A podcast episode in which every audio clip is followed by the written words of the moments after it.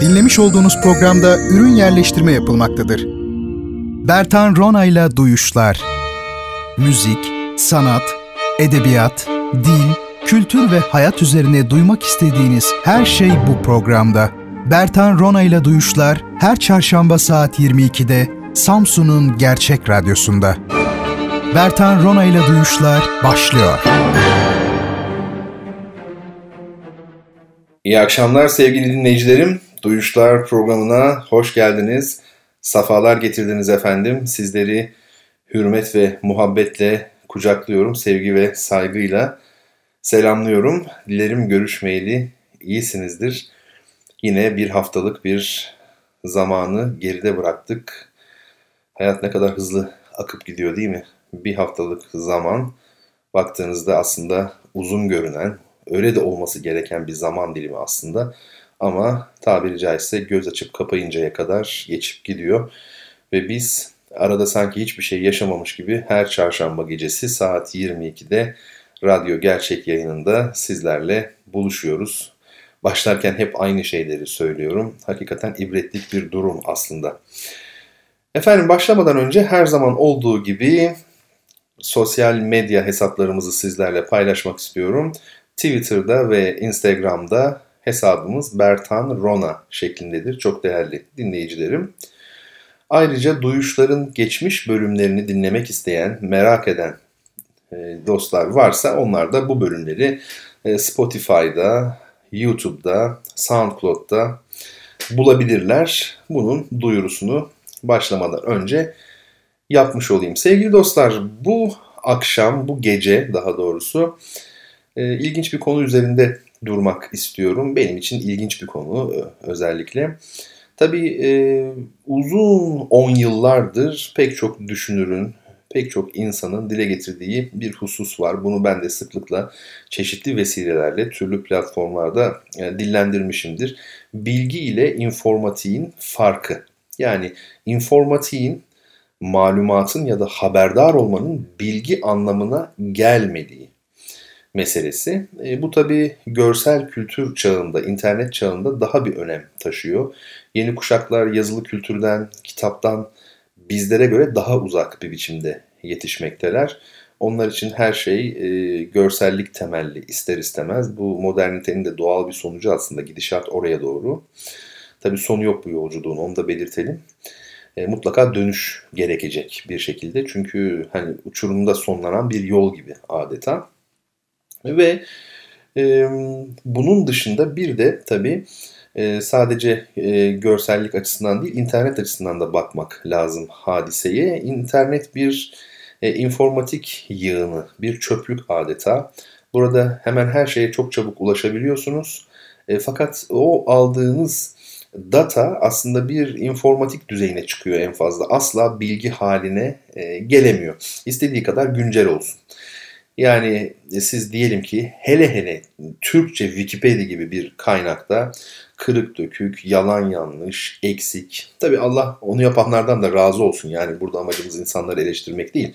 Belki e, günün birinde daha iyi bir hale gelecektir bu çabalarla. Ancak e, şu anki haliyle baktığımızda ya da Wikipedia'yı söylemeyelim sadece yani genel manada internetten bilgi edinme kaynaklarımıza baktığımızda e, ciddi makaleleri, e, bazı pdf olarak indirilebilen kitapları saymazsak hakikaten tam bir hayal kırıklığı, dağınık e, bir takım parçalardan oluşan tuhaf bir yığınla karşı karşıyayız. İnsanı ciddi manada yanıltabilecek bir yığın. Baktığınızda eskiden ansiklopedilerin olduğunu görüyoruz. Ansiklopedi diye bir şey vardı hayatımızda. Ve bir ansiklopedi eski bile olsa, ne kadar eski olursa olsun, mesela Meydan Larus hatırlıyorum ben çocukluğumda. E, Ay'a gidildiği dahi yoktu. Demek ki 1969'dan önce basılmıştı. Ay'a gidilecek diyordu mesela. Fakat o ansiklopedi bile olsa derli toplu yapısıyla e, pek çok başlık altında insana ciddi bilgiler veriyordu. E, kişisel olarak e, benim yaşadığım deneyim ansiklopedi ile ilgili 1986 yılında evimize gelen Ana Britannica ansiklopedisi olmuştur. Bu ansiklopedi 22 cilt olarak tasarlanmış bir ansiklopedi bildiğim kadarıyla ya da 24 hani bir ek cilt şeklinde e, sonradan ilave edileceklerle birlikte ama ana hatlarıyla yani A'dan Z'ye 22 e, cilt şeklinde. E, fakat o zaman itibariyle yayımı daha devam ediyordu. Daha doğrusu hazırlanması devam ediyordu ve 16 ciltte e, bize gelen ansiklopedi. Daha sonra çıktıkça 17, 18, 19, 20, 21 ve 22 de e, geldi ve tamamlanmış oldu. Şunu söyleyebilirim. E, şu anki Bertan Rono olarak konuşuyorum. Hala, hala şu anki bilgi birikimimle e, istifade ettiğimi söyleyebilirim ciddi manada. Yani diyelim ki Napolyon Bonaparte'la ilgili bir e, ana hatlarıyla bilgi edinmek istiyorum ilk planda. Detaylı bir araştırma e, yapmadan ya da bu tür bir araştırma öncesinde. Ve e, internetten edineceğim bilgi dense Ana Britannica Ansiklopedisindeki bilgiyi tercih ediyorum. Çünkü yer yer yorum da içeriyor. Mesela değerlendirme ve yorum diyor altında. Tabii ansiklopedi, hele de böyle bir ansiklopedi, Ara Britannica gibi bir ansiklopedi e, çok büyük bir ekibin yıllar süren çalışmasını gerektiriyor. Bildiğim kadarıyla Ana Britannica'da Albert Einstein'dan yine ona benzer böyle ünlü isimlere kadar diyelim pek çok e, önemli sanatçı, düşünür, bilim insanı, sporcu, ekonomist pek çok alandan kişiler var. Erkek ve kadınlar var. E, gerçekten de çok e, uzun soluklu bir çaba. Hani hep denir ya sözlük yazmak kişi işidir, insan için olabilir ama ansiklopedi kesinlikle bir ekip işidir diye. Hakikaten de öyle ve derli toplu bilgi edinmek istediğimde ifade ettiğim gibi okuyorum. E, İngilizce Wikipedia o da fena bir kaynak değil artık gittikçe zenginleşmeye başladı. Ama kendi dilimizde okumak söz konusu olduğunda bazı maddeler de eskimiyor biliyorsunuz. Mesela işte coğrafi maddeler, işte tarih bunlar çok eskimez. Efendim yararlanıyorum. Dolayısıyla benim için e, son derece önemli. Ha, şunu da ifade edelim. Tabii ki Ana Britannica deyince sanki biraz böyle bir İngiliz tandanslı bir yaklaşımı e, varmış gibi düşünebilirsiniz. Şüphesiz var, yok değil. Ama minimize edildiğinde ifade etmek durumdayım. Oldukça tarafsız e, olunmasına gayret edilmiş. Bu takdir edilmeli ama tabii ki e, belli bir eğilim var. Çeşitli ideolojilere göre, felsefelere göre farklı ansiklopediler elbette ki tasarlanabilirdi. Tasarlanmıştır da zaten. Mesela işte Sosyalizm ve Toplumsal Mücadeleler Ansiklopedisi e, var. Ya da mesela siz Marksist bir bakış açısıyla bir ansiklopedi hazırlayabilirsiniz. Ya da işte efendim İslami bir anlayışla bir ansiklopedi hazırlayabilirsiniz. Bunların hepsi mümkün. Hepsi istifadeye şayandır. Mesela İslam Ansiklopedisi inanılmaz bir kaynak. Gerçekten inanılmaz bir kaynak. Son derece kapsamlı. Şüphesiz onun da eleştirilecek yönleri vardır. Var da ama e, olağanüstü bir e, kaynak. Çok değerli. Tavsiye ederim. Ee, ben de ansiklopedilerin içerisinde dolaşmayı çok sevdim küçüklüğümden beri. Ee, insan, kitap ve kainat aynı gerçeğin farklı görünümleridir. Ben hep böyle düşünmüşümdür. Gerçekten e, kitap da bir kainattır, kainat da bir kitaptır. Bunlar aynı zamanda bir insandır. İnsan küçük bir kainat, kainat büyük bir insandır. Kainat derken alemi kastediyorum ya da alemleri kastediyorum tabii. Dolayısıyla bir ansiklopedinin içinde e, dolaşmak adeta kainatı e, dolaşmak gibi, alemleri gezmek gibi, bir çeşit seyr sülük gibi. Burada çünkü renkli fotoğraflar var, renksiz fotoğraflar var yani siyah beyaz. Efendim çizimler var. Küçük bir anatomi atlası bile var ilgili maddenin sonunda böyle şeffaf yapılmış. Katladıkça organlar, dokular ortaya çıkıyor. Önce boş bir silüet var, insan silüeti. Yavaş yavaş siz sayfayı çevirdikçe eklemiş oluyorsunuz ona. E, hakikaten de renkli bir ortam. E, bu gece de dedim ki alayım elime ansiklopediyi, ansiklopediden bir cildi. Rastgele bir sayfasını açayım ve e, ilginç maddeler üzerinde duralım. Yani her maddeyi okuyacağız diye bir şey yok elbette. Ama üzerinde konuşabileceğimiz maddeleri e, masaya yatıralım. E, gerçi masaya yatırmak deyince çok kapsamlı bir şey e, anlaşılıyor. Ben onu istemiyorum. Ben bir seyahat gibi, bir gezi gibi olsun istiyorum. Yani maddelerin bende çağrıştırdıkları nelerdir? E, bunu düşünüyorum. Hayal edin şöyle bütün bir ansiklopediyi A'dan Z'ye yaptığımızı. Belki 100 yıl sürer radyo programı olarak. Ama hakikaten e, kültürümüzü, bilgimizi arttırmış oluruz çok ciddi anlamda. Görgü ve deneyim başka bir şey ama bilgi ve kültür bu yönüyle e, artmış olur. A'dan başlarız ilerlemeye. Şimdi gerçi hangisini almışım ben? K harfi. Hatta şöyle bir rastgele açıyorum. E, keçi boynuzu çıktı önüme. Keçi boynuzu maddesi çıktı. Mesela bu maddeye bakılır, üzerine konuşuruz ama çok çok kısa. Belki 10 saniye, 20 saniye. Böylelikle de ilginç bir e, format ortaya konmuş olur. İlginç bir içerik. Böyle bir radyo programı daha önce yapıldı mı bilmiyorum. Bertan Rona ile A'dan Z'ye mesela. Ne güzel olur değil mi?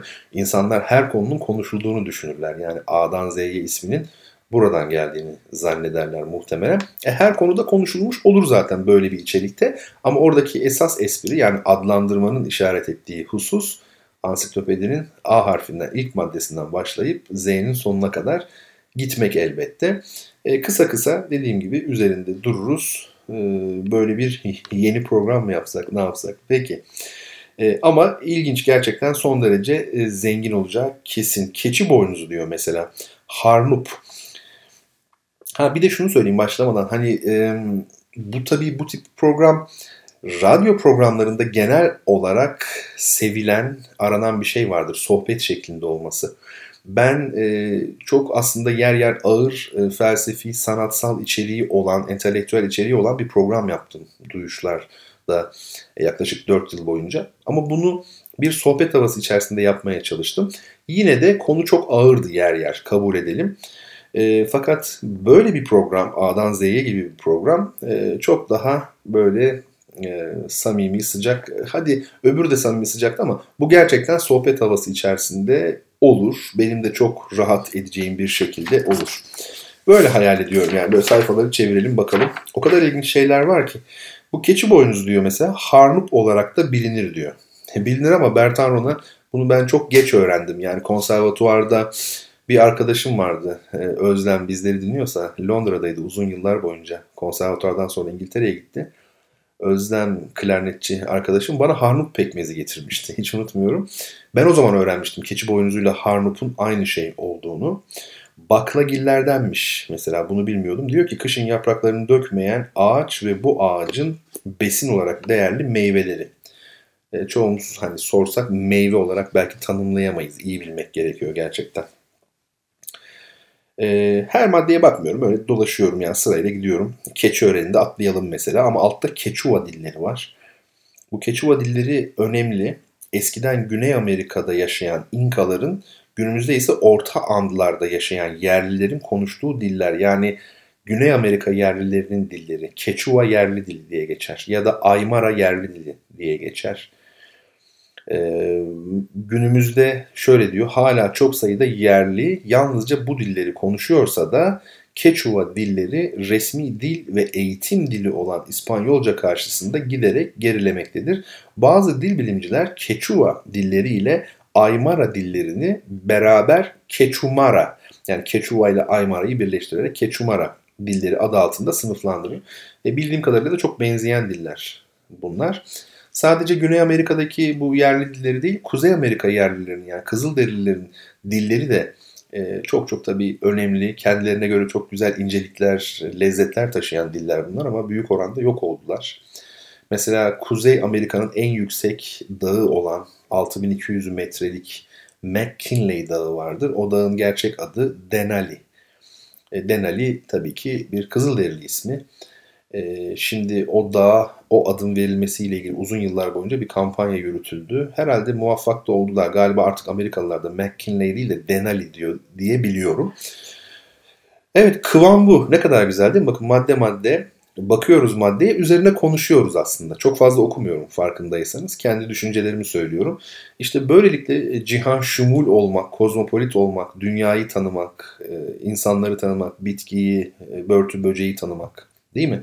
Bu o kadar önemli ki ee, herkes günümüzde ağırlıklı olarak metafizik peşinde yani öyle değil mi? Sanki meleğiz biz yani fiziksel dünya hiç yok. Yani e, fizik e, olmadan hani var ya öyle bir söz metafizik nasıl olacak diye gerçekten de e, biraz e, çevreye bakmak ve tanımak meraklı olmak gerekiyor. Bakalım Kadeşa diye bir madde çıktı. İbranicesi Kadoş. Şimdi bu tabi İbranice ile Arapça ortak kökten geldiği için, ortak e, Hami Sami kökünden geldiği için e, birbirlerine çok yakınlar. e, S'nin, Arapçadaki S'nin İbranice'deki karşılığı Şe. Dolayısıyla KDS Kudüs yani e, kutsallık belirten e, kök Arapçada. İbranice'de Kidduş. Yani yine KD ama sonunda S yerine Ş var. Efendime söyleyeyim bakın Kadeşa. Kidduş bu e, Yahudilerin kipa dediği bizim takke dediğimiz başa takılan başlık var ya arka tarafa doğru. E, onun da aslında sorsanız kimse bilmez, söylemez, söyleyemez. Yani niye takıyoruz bunu diye. Yani sebebi nedir bunun? E, esasen işte insan başının o noktasında olduğu düşünülen e, kutsiyeti muhafaza edebilmek. E, negatif güçlere karşı muhafaza edebilmek gibi e, kadim bir şeyi var onun. E, bir gelenek bu ve amacı var. Kedi maddesi. Kediler çok seviyorum. Fakat ben e, bu kedi tüyü bana çok ciddi anlamda e, dokunduğu için küçüklükten itibaren hiçbir zaman kedim olmadı. Ama en sevdiğim canlıların başında gelir kedi. Çok estetik, çok zarif bir hayvan her şeyden önce. Çok temiz, ilginç bir canlı. E, kedi tabii ben çok e, sevdim fakat bir türlü kedim olmadı dedim.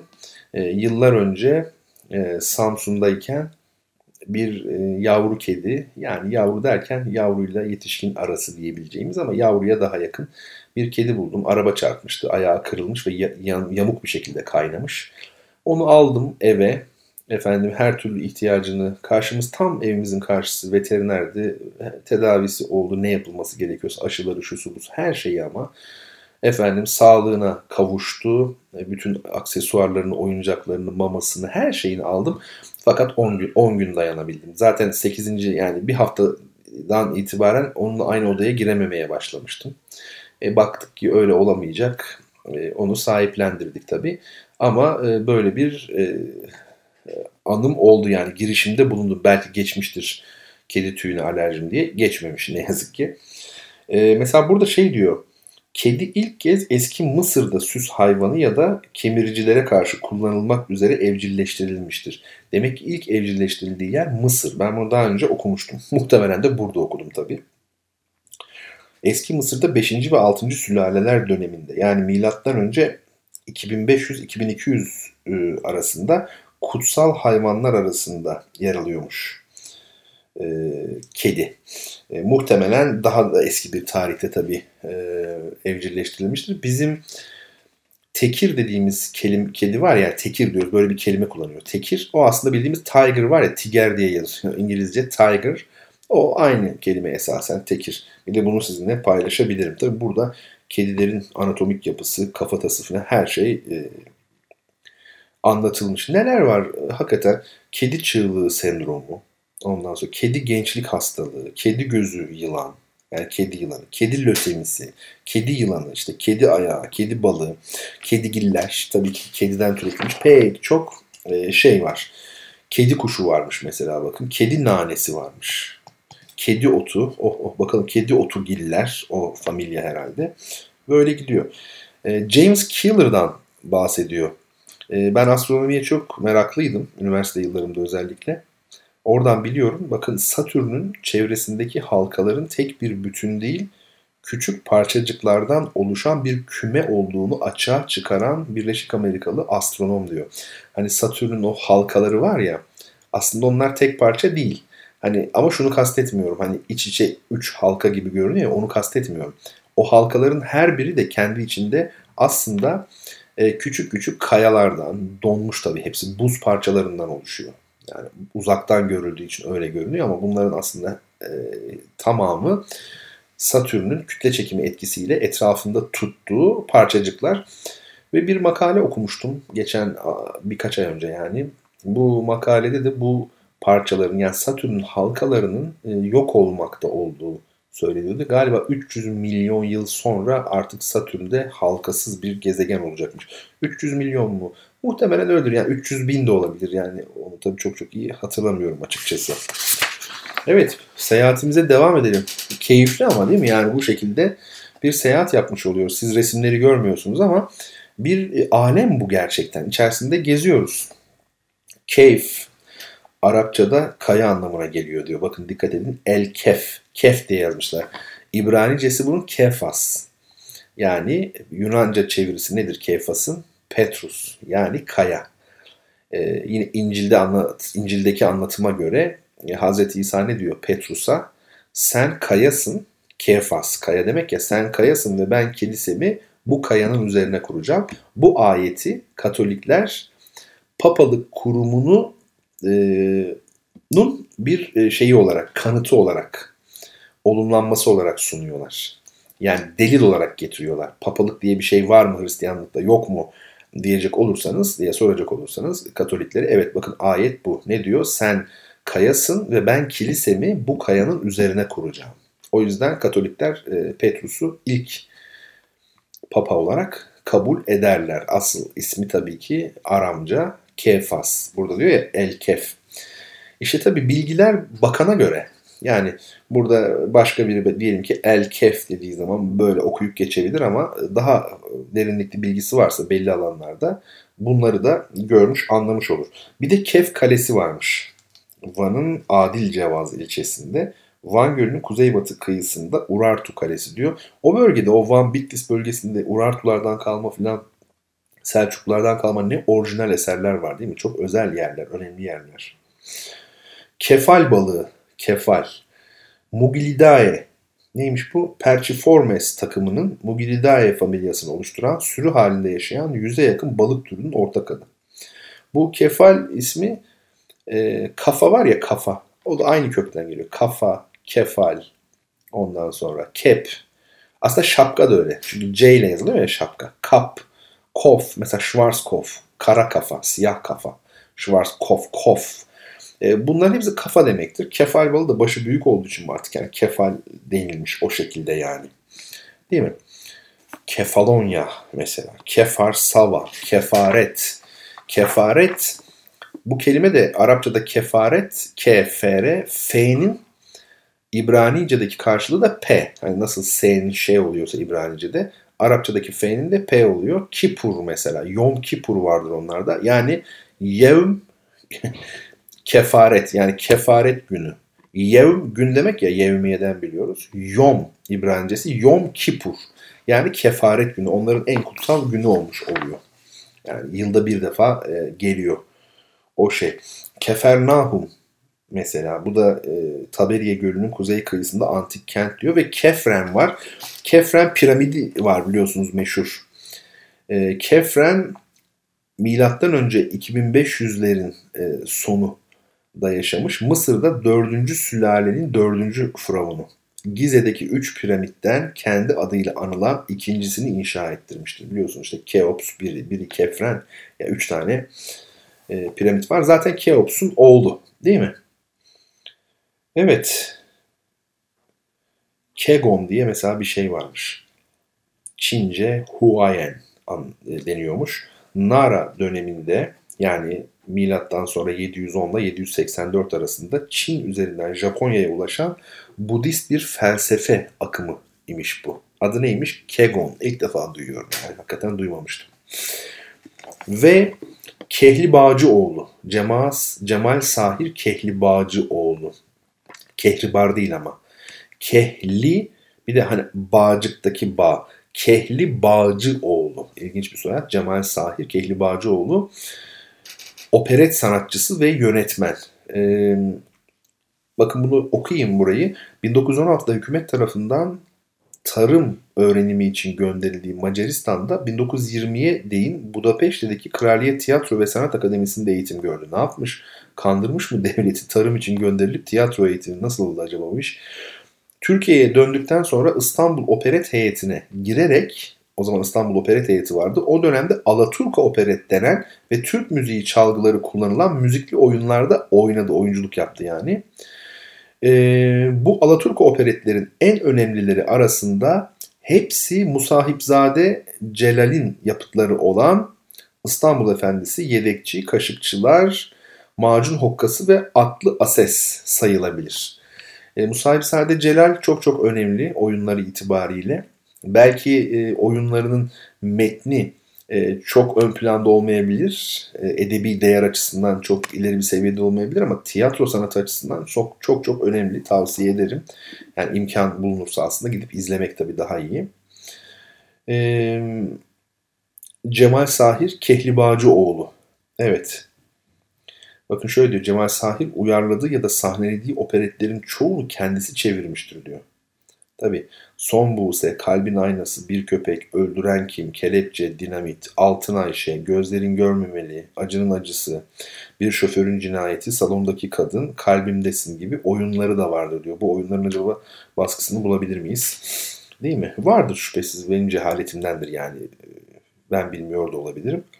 Ama e, okumakta fayda var. Ve tabii kehribar maddesi var altında da. Kehribar toprak altında kaldıktan sonra uçucu bileşenlerini yitirerek ve kimyasal değişikliğe uğrayarak kararlı bir yapı kazanan fosil ağaç reçinesi. Evet, yani e, çok değerli bir madde tabii ki kehribar ve kehribardan pek çok şey yapılıyor yani süs eşyası yapılıyor. Yani süs eşyası derken zinet aslında takılar yapılıyor kadınlar için. Bebekler diş çıkarırken onları rahatlatan kolyeler yapılıyor. Yine kolye bileklik var. Tesbih yapılıyor tabii ki en önemlisi. Yani çok pahalı çünkü o yüzden en önemlisi diyorum. Kabaşon olarak da satılıyor. İşte kütle olarak yani hastası olanlar var. Kehribarın hastası olanlar yani. E, kabaşonlar veya böyle işte efendim kazık, blok halde alıp da evinde tutanlar var. E, kehribar çok çok kıymetli. Bazı türleri var e, altından daha pahalı gram olarak yani. Bir gram altından daha pahalı. Gramı gram altından daha pahalı olan kehribar türleri var. Kehribarla ilgili biliyorsunuz yani tesbih merakım olduğu için e, saatlerce konuşabilirim. Pek de iyi olmaz. Bir mesaj gelmişti o günlerde. Yine mi tesbih muhabbeti diye. Çünkü yaklaşık bir mi 6-7 hafta sürmüştü. Çok samimi geliyor bana böyle mesajlar. Yine mi tesbih muhabbeti? Geçen de YouTube'a biri yazmış. Ee, bir de benim Bakışlar diye bir programım oldu. Yani e, çeşitli konuları YouTube'da ele aldığım. O şimdi en son Mozart'ı ele aldım. Pazar günü konuşacağız. Bach galiba. Bach verildi. Haftaya Mozart. Sonra Beethoven, Tchaikovsky gidecek. E, o programda da yorumlardan biri çok güzeldi. Bu adamın söylediklerini anlamıyoruz. Ama o kadar derli toplu, başı sonu belli, kendinden emin bir cümle ki ne diyor? Bu adamın söylediklerini anlamıyoruz. en azından anlamadığını anlamış yani bu güzel. Tabii iyi bir şey değil anlaşılmak gerekir genel manada ama ne yapalım yani e, herkese de kendimizi anlatmayı başaramayız. Değil mi? Öyle söyleyeyim. Ya işte böyle bu ansiklopedi zevkli iş değil mi yani? Buradan mesela biz daha 3-5 tane maddeye baktık. Burada binlerce madde var. Öyle zannediyorum ki bu yani 100 yılı falan geçer yani. Bitmez bu şekilde. Yani A'dan Z'ye değil A'dan B'ye gelebilirsek iyi olur yani. Çünkü bir yılda bir cilt biter. Anca biterse o da yani o da işte şöyle bir hesap yapalım mı? Bakın şimdi ben size bir hesap yapacağım. İşte bu güzel canlı yayın e, doğallığı hani anlatabiliyor muyum? Böyle o kadar rahat bir şekilde sohbet havası içinde yaptık ki. Şimdi keçi boru diyor bakın. Şimdi 2, 4, 6, 8, 10 sayfa gitmişiz. Mesela bir programda 10 sayfa gittiğimizi düşünelim. Şimdi bu elimdeki cilt kaç sayfaymış? Bütün ciltler aynı kalınlıkta zaten. Aşağı yukarı. 630 e, sayfa. Yani 63 hafta gerekiyor. Bir yılda bile bitiremiyoruz bir kitabı. E 22 cilt olduğuna göre 22 yılda bitmiş oluyor. Ömrümüz vefa ederse. Yani ne yapılabilir? Tabii şu an ben bir yarım saat kadar yapmış olduğum programı daha uzun yapılır. Yani bir saat kadar yapılır. Öyle bir format içerisinde gidilirse o zaman e, belki 15 yılda da biter. Ama bilmiyorum bu e, fikir beni büyüledi biraz. Yani cazip geldi bana. Sohbet havası içinde olması çok güzel. Öyle mi? Doğal olması çok güzel e, çevirdikçe karşınıza çıkıyor. Hayatta olduğu gibi yani sokağa çıkıyorsunuz ya da yaşıyorsunuz bazı şeyler sizin karşınıza çıkıyor aslında siz kendinizi belirlemiyorsunuz. Ve bütün hayat bizim yorumlarımızdan oluşuyor.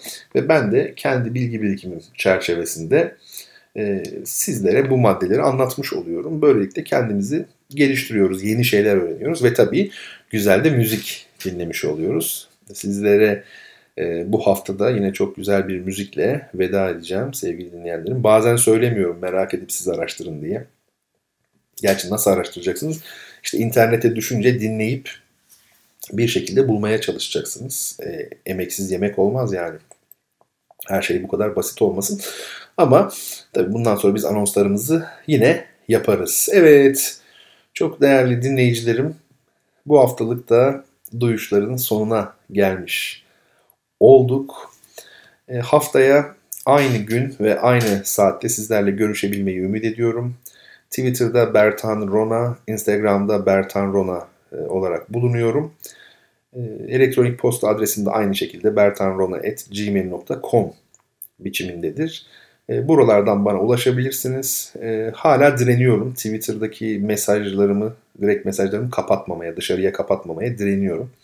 Çünkü yardım isteyenler oluyor. Öğrenciler, genç arkadaşlar yazıyorlar. Daha başka konularda ulaşmak isteyenler oluyor. bazen çok yoğunluk oluyor. Cevap veremiyorum ama kapatmadan da idare ediyoruz şimdilik. Bu mecralardan bizlere ulaşabilirsiniz. Çok değerli dinleyenlerim. Eski bölümlerimizde ifade etmiştim. Spotify, YouTube, SoundCloud ve Deezer gibi platformlarda bulabilirsiniz. Efendim haftaya inşallah sağlık saat verirse Allah çarşamba gecesi saat 22'de bir arada olabilmek dileğiyle. Hoşçakalın.